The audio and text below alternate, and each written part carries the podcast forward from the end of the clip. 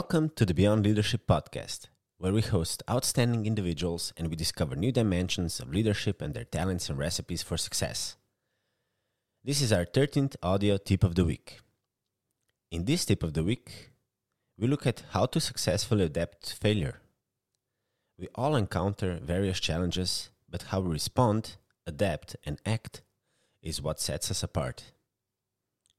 Today's tip of the week is based on the article Why Success Always Starts with Failure, written by Rep, published in 2019 in 99U Adobe. The recipe for successful adaptation to failure. When being innovative and trying out new ideas, failure becomes inevitable and a part of our lives.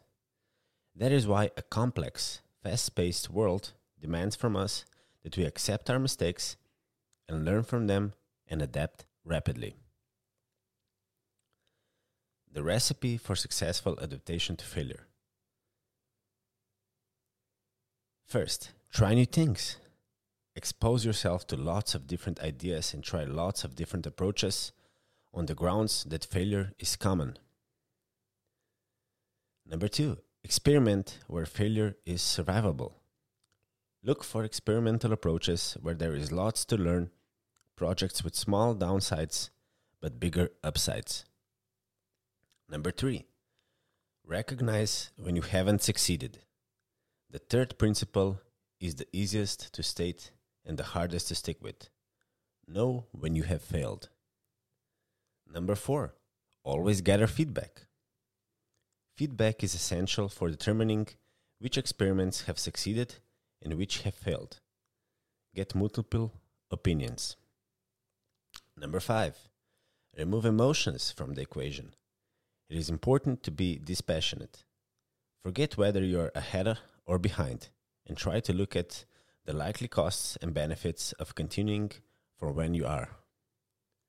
Number six, don't get too attached to your plans.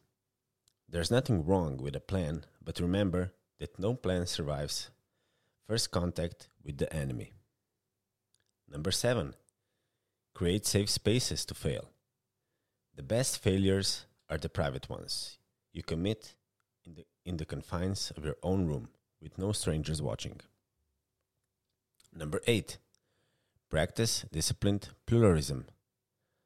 Markets work by this process, encouraging the exploration of many new ideas as well as the ruthless weeding out of the ones that fall short. Number nine, find a safe space to fail as a state of mind. Assuming that you don't operate a nuclear power plant for a living, you can probably infuse a bit more freedom and flexibility in your workday. And number 10, imitate the college experience. College is an amazing safe space to fail. We are experimenting with new friends, new hobbies, and new ideas, and will often mess up.